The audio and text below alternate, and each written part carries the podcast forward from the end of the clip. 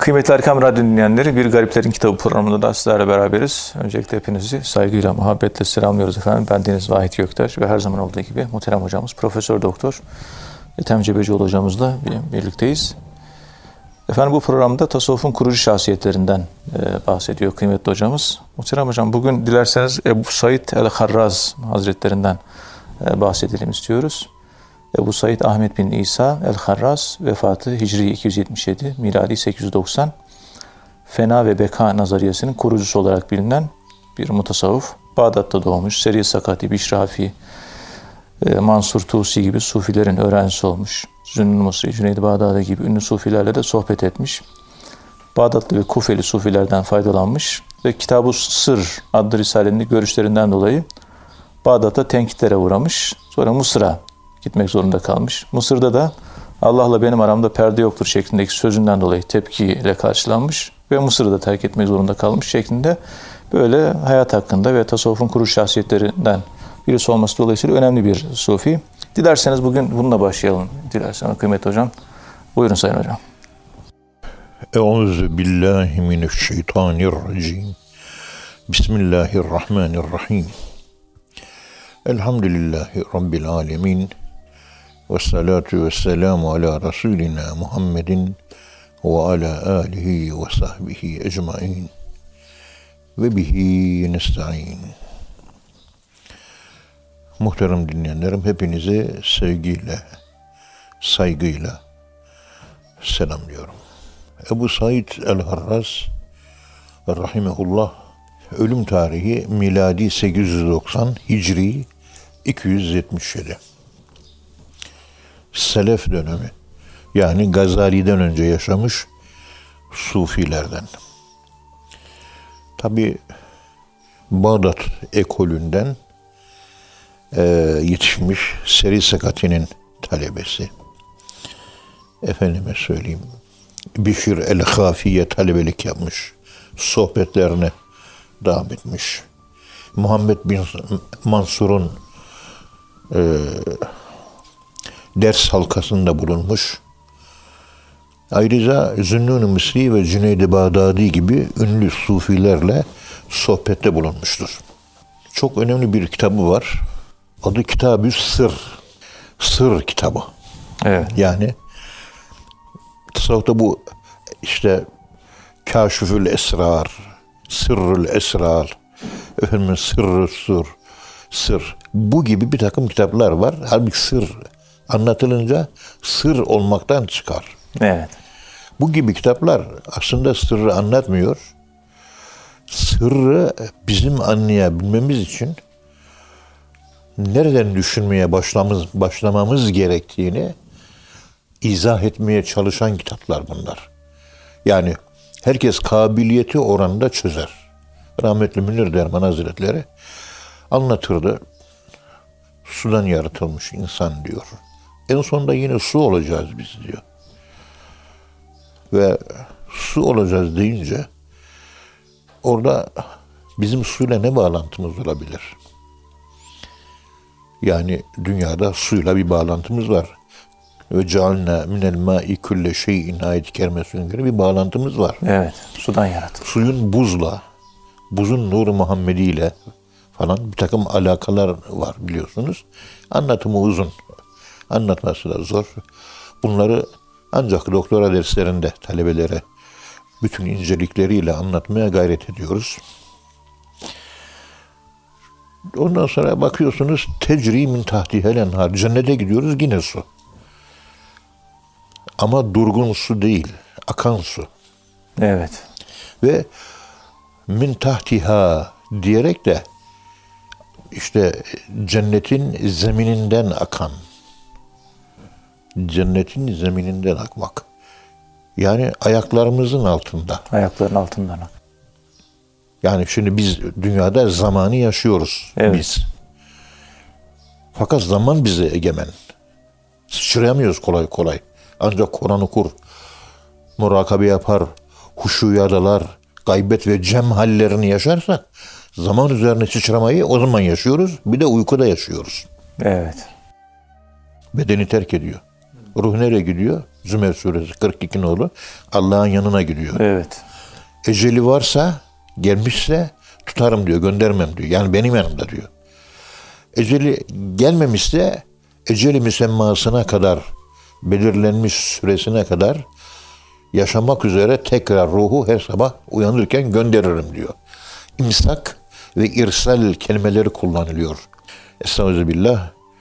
Allahu yeteveffel enfuse hine mevtiha velleti lem temut fi menamiha feyumsiku alleti qada aleyha el mevte ve yursilul uhra ila ecelin musammen inne fi zalike la ayatin li kavmin yetefekkerun imsak ve irsal eceli geldi tutarım peki nereye gitti uyuyunca ruh? Uyudu ama Allah'ın katına gitti. Orada. Evet. Eceli geldiyse göndermem diyor. Göndermem.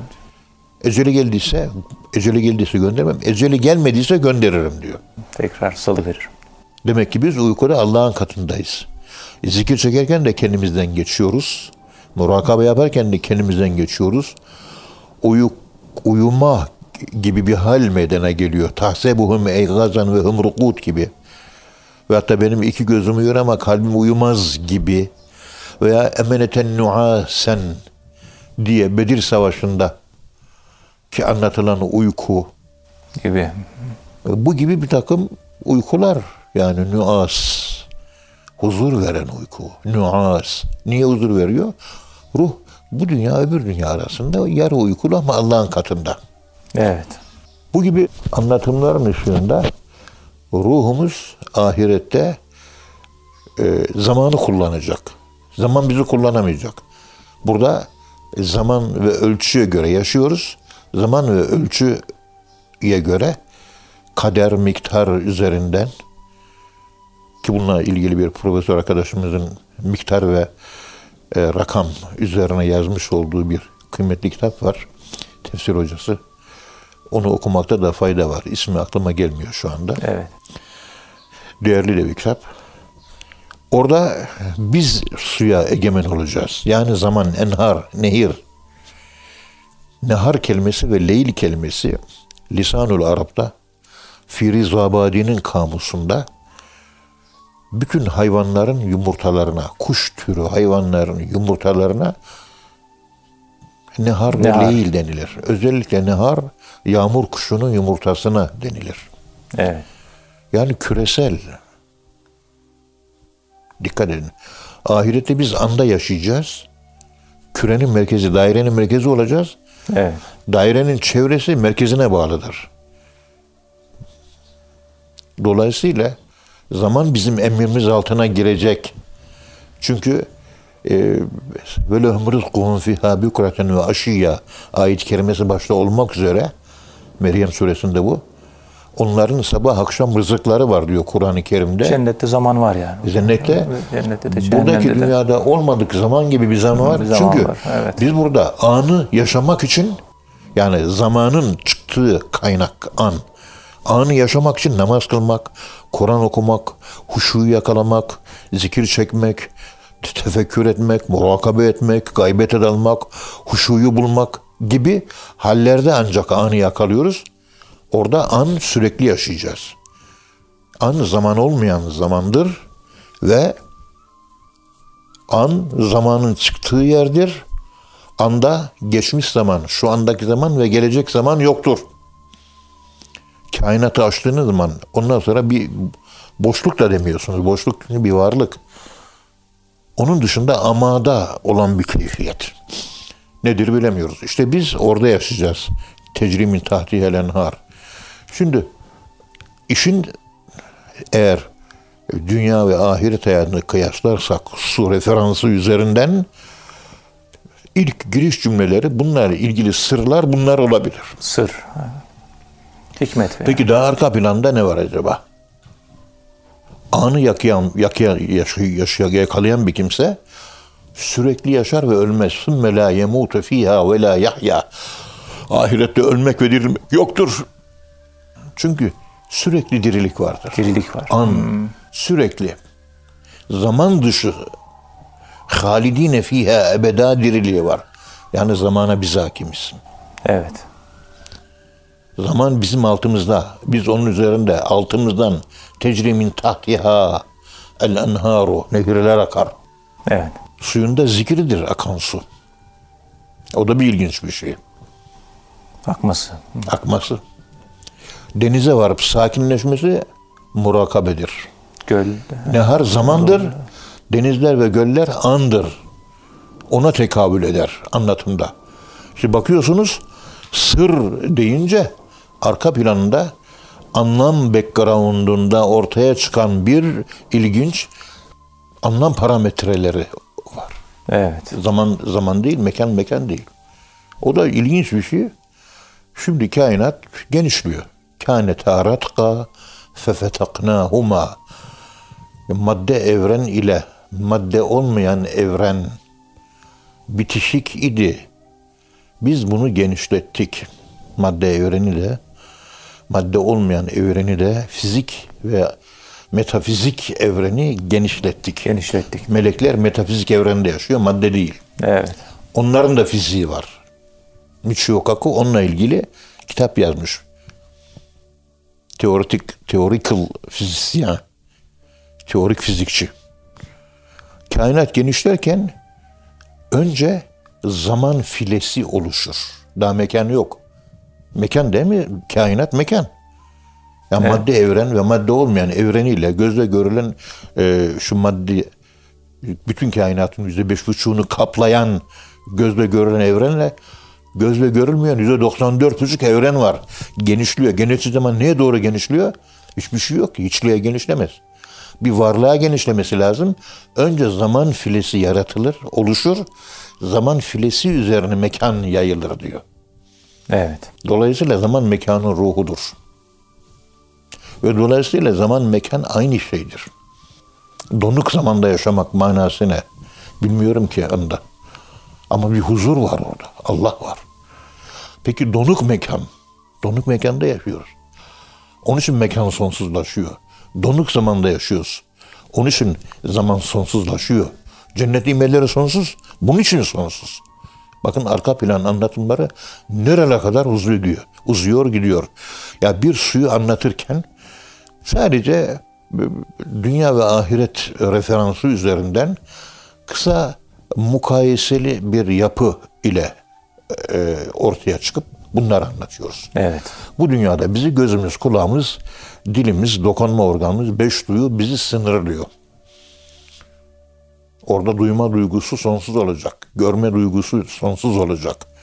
Dilin tatması sonsuz olacak. Elin dokunma duygusu sonsuz olacak. Koku alma duygusu sonsuz olacak. Biz sonluluğu yaşıyoruz şu anda. Sona erecek bir koku ve göz ve görme ve tatma ve dokunma duygusuyla yaşıyoruz. Ruhun aslı bütün bu özelliklere sahip. Bu dünya ya gelip bedenin hapishanesine girmişiz. Hepinin, hepimizin bedeni bizim hapishanemiz. Hapishanemiz. Biz şu anda hapishanede yaşıyoruz. Mümin olur kendinizi aşarsanız bu dünyanın zindan olduğunu fark edersiniz diyor Peygamberimiz. Yani mümin el müminu fissicni. Evet. Mümin e, dünyada Zindandaki. zindan hayatı yaşadığının farkında olan insandır. Farkında değil de cennet olarak yaşayan müminler acaba nasıl? İmanda noksan demektir. Kamil iman sahipleri bu dünyanın ed dünya sicnun. Bu dünya sicindir, Mümin için. hapishanedir. Ama inancında sağlam olan insanlar için sınırlı olduğunun farkına varanlar bu şekilde gerçek iman sahipleridir. Onların dışında bu dünyanın gerçekten karanlık bir zindan olduğunu hiç kimse fark edemez. Evet. E dünya sicnün mümin. Müminin zindanı. Dünya inanan kişinin, inanmayan kişinin de cennetidir. Biz şu anda hepimiz sonsuz imkanlı olan bir ruh gelmiş beden hapishanesine, beş duyu organları içerisine hapsedilmiş bir mahkum hapishanedeyiz biz. Hapishane hayatı yaşıyoruz burada. Öldükten sonra nimetler sonsuz, her şey sonsuz, görme sonsuz, duyma sonsuz. Burada hep sonlu, sonlu, sonlu, sonlu, sonlu. Buradaki mülk fena burası. Fena geçicilik diyarı. Ancak öldüğümüz zaman zamansızlığı yakalıyoruz. O zaman tasavvufta ölmeden önce ölmek esprisini gerçekleştiren kadim irfan geleneğinin inisiyasyon yollarında, seyri sülük yollarında bizim tekamülümüzle alakalı bir keyfiyeti yaşamamızı yani tarikat terbiyesi almamızı gerektiriyor. Evet. Ve bu tekamül yolunda bizim olgunlaşmamız da ikmal ve itmamla alakalı bir keyfiyet. El yevme ekmeltu lekum dinekum ve etmemtu nimeti aleykum ve raditu lekumul İslam'e dina. Yani önce biz sizi dininizi ikmal ettik. Ondan sonra da itmam ettik. İkmal, ikmal nefisle alakalı. İtmam ruhun saflaşması, saflığını korumasıyla alakalı. Evet. Yani la ilahe illallah'ın bir başka türlü ifade ediliş şekli. Şekli.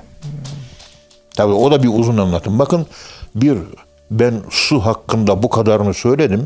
Bir şeyler bir şeyler anlatıyorum diyor. Gerisini ya sudan başladık suda bitecek bu iş diyor. Evet. Bir, bir şeyler anlatıyor. Ondan sonra ben Ethem Hoca'yım. Ben de bu sana anlattıklarımı teminden beri sana anlattıklarımı tefekküre dalıyorum. Ortaya bambaşka bir şey çıkıyor. Başka şeyler çık.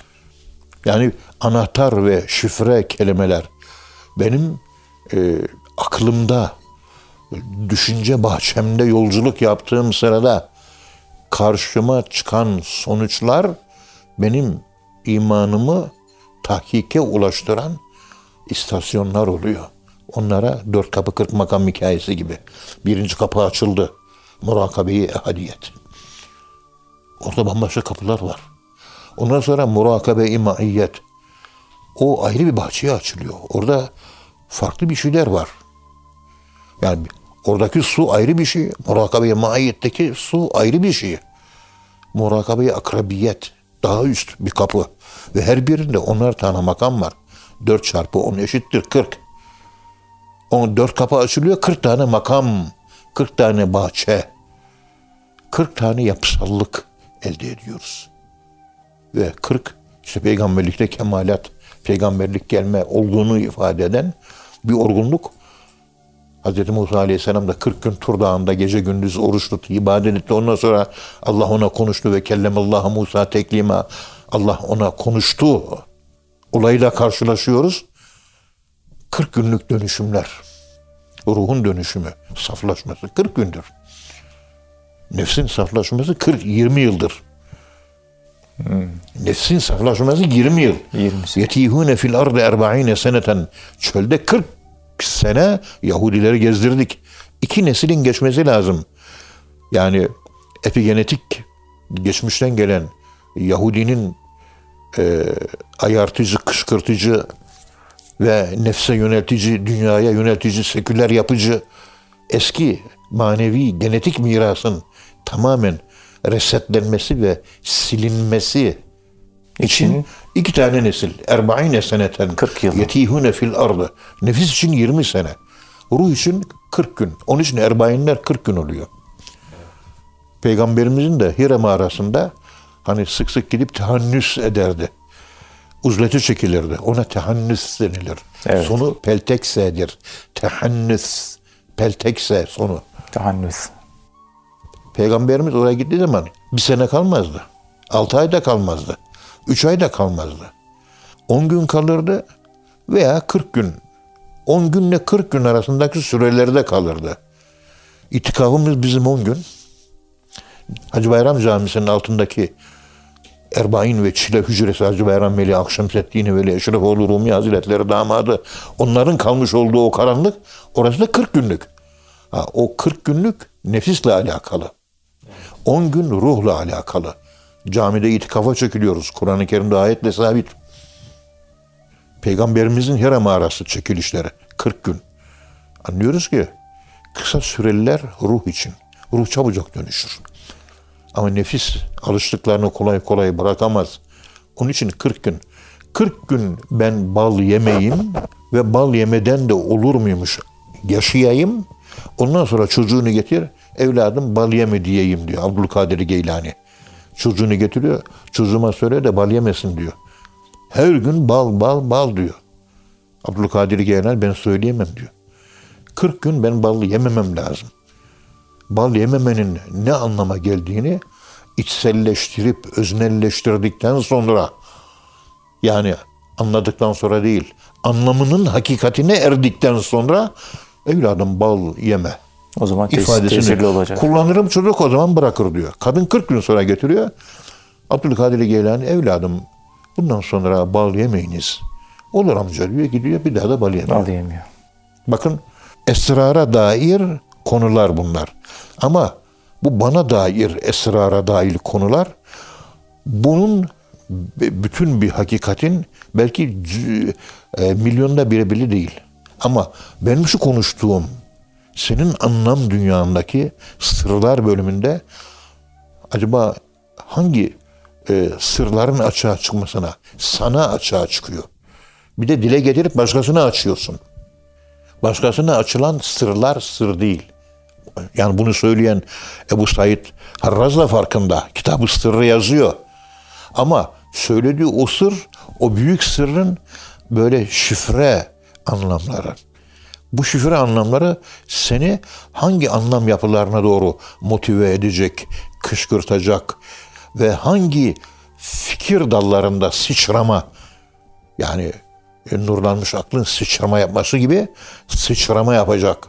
Buyur bakalım kendini bir tart, kendini bir kontrol et ve sendeki sırlar açığa çıksın diye sırrın öncülleridir bu kitaplar. Kitab-ı Sır. Ben sırrı anlatıyorum. Kitap yazmak anlatılında sır sır olmaktan çıkar.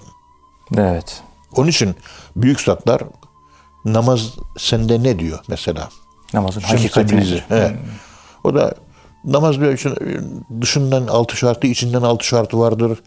Hadesten taharet, necasetten taharet, setya, avret, istikbali, kıble, vakit, niyet. İçindeki şartlar, efendim sen namaza başlarken Allahu Ekber demek, kıyam, kıraat, rükû, sücud. Yok ben onu sormuyorum, onu ben de biliyorum diyor. Sendeki Ufak namaz. çocuk da biliyor. Senin namazın ne? Sana yansıyan sır ne? Esrar ne? Sen anlat, ben de sana anlatayım. Esrar erbabına anlatılır. Anlatılıp da başkasına anlatılmazsa, başkasından gizlenirse sır denilir. Ben sır sahibiyim, sen sır sahibisin. İkimiz arasında konuşulur. Ben özellikle doktora talebelerime hep esrardan bahsederim. Esrarın tamamı değildir. Sadece esrara giriş şifresi. Bende başka türlü açılıyor. Talebemde başka türlü şeyler açıyor. Evet. Aynı şeyleri açmıyor. Bir şeyle mürit arasındaki sır, esrar konusundaki yapılanmanın arka planında bu anlattığım görüntü ve bu anlam bağlam korelasyonu var. Teşekkür ederim. E, Allah razı olsun hocam. Ağzınıza sağlık. Muhterem dinleyenler. Programın birinci bölümünün sonuna geldik. İkinci bölümde tekrar birlikte olacağız inşallah. Efendim şimdi kısa bir ara.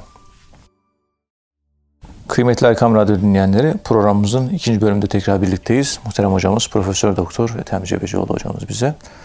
Bugün Ebu Said el-Harraz Hazretlerinden bahsediyorlar. Vefatı Hicri 277, miladi 890 ve fena beka nazariyesinin kurucusu olarak bilinen Sufi mutasavvuf. Bu fena beka nazariyesinden ilk bahsedenlerden birisi hocam. Ee, Ebu Said el-Harraz. Bu, dilerseniz bu fena beka nedir? Dilerseniz kısaca bir de bundan bahsedebilir misiniz? Buyurun Sayın Hocam. Bismillahirrahmanirrahim.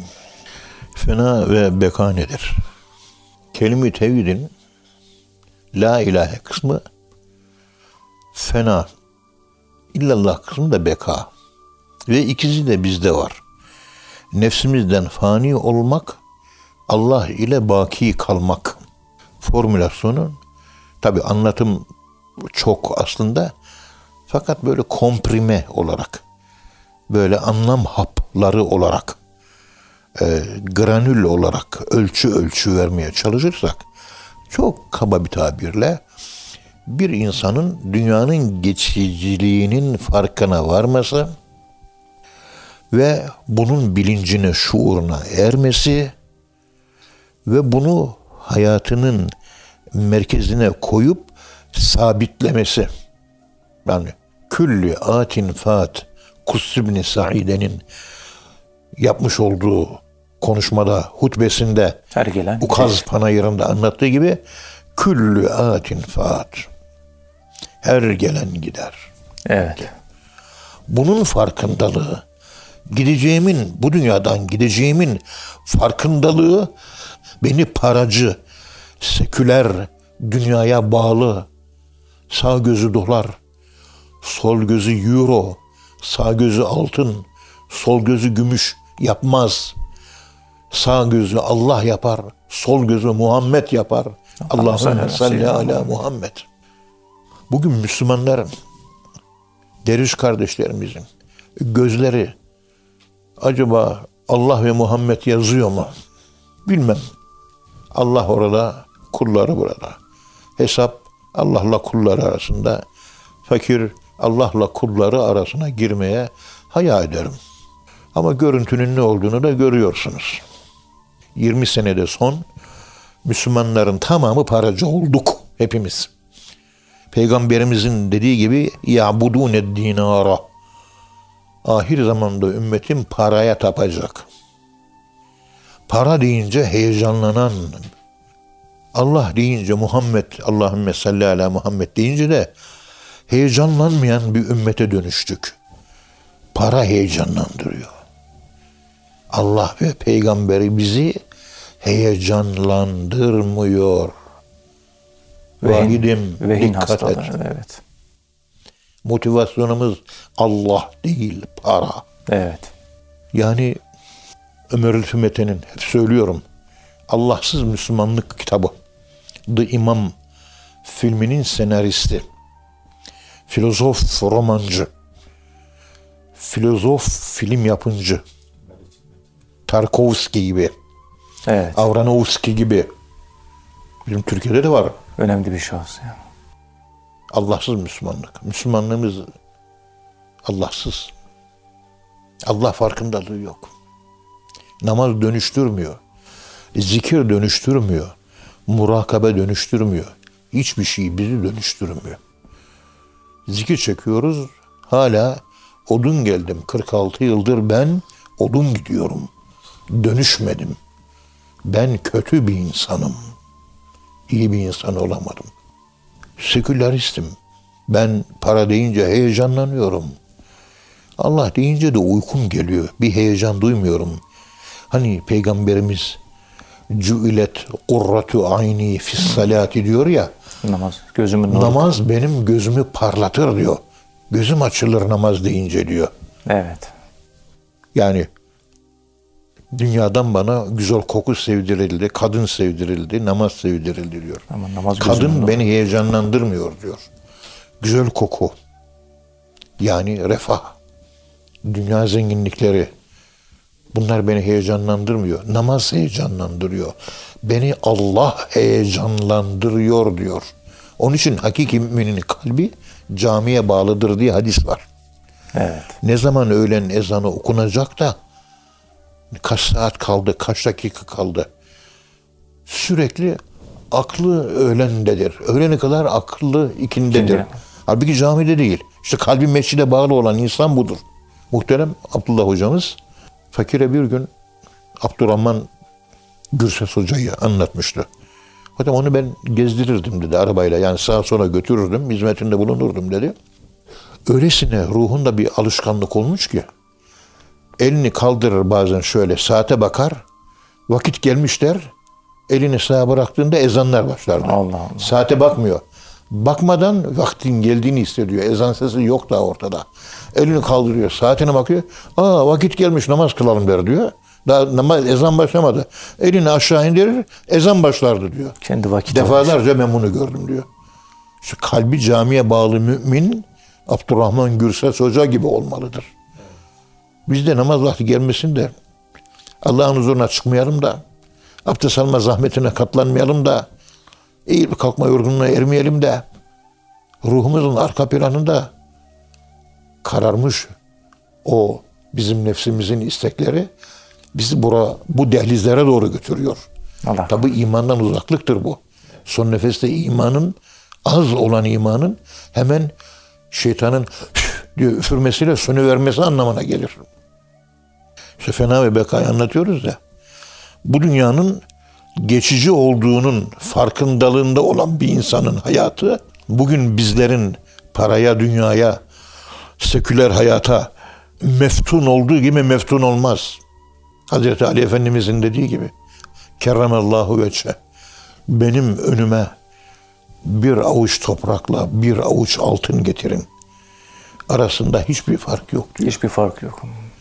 Ondan sonra Abdülkadir Geylani Hazretleri gerçek mümin bir avuç toprakla bir avuç altın gözünde eşitse senin imanın hakiki imandır. Tabi en ideal bir iman formuna, anlam formuna işarette bulunuyor. Hazreti Ebu Bekir gibi olun radıyallahu anh. Radıyallahu anh. Hepsini ver diyor. Hiçbir şey kalmasın. Hiçbir şey kalmayınca o zaman hiç olunur. Bunca ev var, yazlık var, bahçe var, tarla var, tapan var, dükkan var, villa var, apartman var. Var, Var hep var, varlık var bizde. Yokluk nerede? Yokluk nerede? Hiçlik nerede? Varını sevgili uğruna yağma et. Dağıt, yok et. Yok olunca yokluğun sırrına erersin. Evet. Yok olduğun ve hiç olduğun zaman Allah'ın önünde apt olursun. Köle olursun, kul olursun. Nefsimizi hiç olunca biz kontrol altına alıyoruz. Nefsimizin o la fena ile alakalı la ilahe illallah'taki bütün tasavvuf dersi, kalp, ruh, sıfır, hafi, ahva, nefis, ceset, kelime-i tevhid, murakabeye muhabbet, ehadiyet, efendim maiyet, akrabiyet, muhabbet. 12 tane ders var. Bütün bu derslerin sonunda biz muhabbet dersini, Allah'ı sevmek dersini alıyoruz. Aldıktan sonra bizde fena halleri zuhur ediyor. Hiçlik halleri.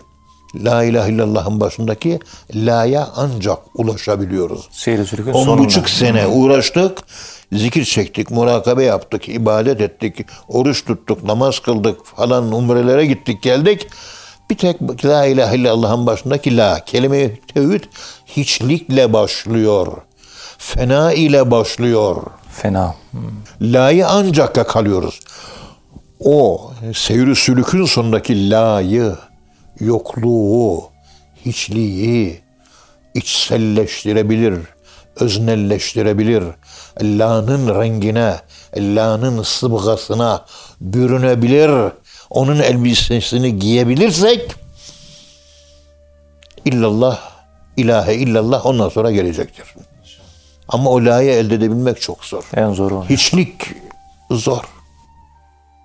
Ta yıllar önce Osman hocamızla bir edepsizlik ederek efendim dedim tasavvufu pek anlamıyorum ama hani sonu nedir ben bilmiyorum dedim. Tasavvufun anlamam. Osman hocamız gülerek hiçlik hocam hiçlik hiçlik dedi. Hiçlik. Fena yani. Evet, Hiçlik. Hiçlik. ben onu bilmiyorum dedim. Yani hiçliği ben bilmiyorum. Yani onun için siz de hiçlik diyorsunuz hiçliktir tamam. Ama başı bana sanki öyle geliyor ki geceleyin teheccüde kalkıyorum. Karanlık. Allah var. Ben varım. Kimse yok. O ve ben. ikimiz. iki sevgili. La yetekarrabu liyema Allahi vaktini yaşıyorum. Orada la yetekarrabu ileyye min melekin kerimin ve la rasulün mürsel. Ne bir melek ne bir ülazım peygamberin ruhu Allah'la arama girmez. Özeli yaşıyorum. Allah beni ben Allah'ımı biliyorum. Arada hiçbir şey yok. Dünya yok, para yok, altın, gümüş, makam, mevki. Hiçbir şey yok. O ve ben. Gece. Sadece o var. İşte o sırada ne olursa oluyor. O sırada secdeye peygamberimiz kapanıyor. Secdede bütün insanlık kurtulsun ümmeti ümmeti diye sessiz sessiz dua ediyor ve gözünden yaş geliyor. Ben de kalkarım o sessizliklerde, o karanlıklarda, o zamanı aşmış, mekanı aşmış boşluklarda izafetlerin kaybolduğu, cevher ve arazın silindiği, benlik ötesinin harekete geçtiği, transandantal sıçrama yapmış olduğum an denen zaman diliminde Allah'ın rengini alırken secdede ben hüngür hüngür ağlıyorum. Ağladığım zaman gözümden secdede gece iki buçukta yaş geliyorsa dervişlik orada başlıyor. Gelmiyorsa dervişliğin başladığı yere daha ulaşamadık anlamına gelir. Understand me? Verstanden? Est-ce vous avez compris? Bi khirayte yulihet. Hel fehimtum? Fehim kır. Anladın mı? Başı fakir böyle hissediyorum demiştim. Düşündü Osman hocamız. Sadece düşündü. Ama son hiçlik. O kesin. Ama başladığı yerine.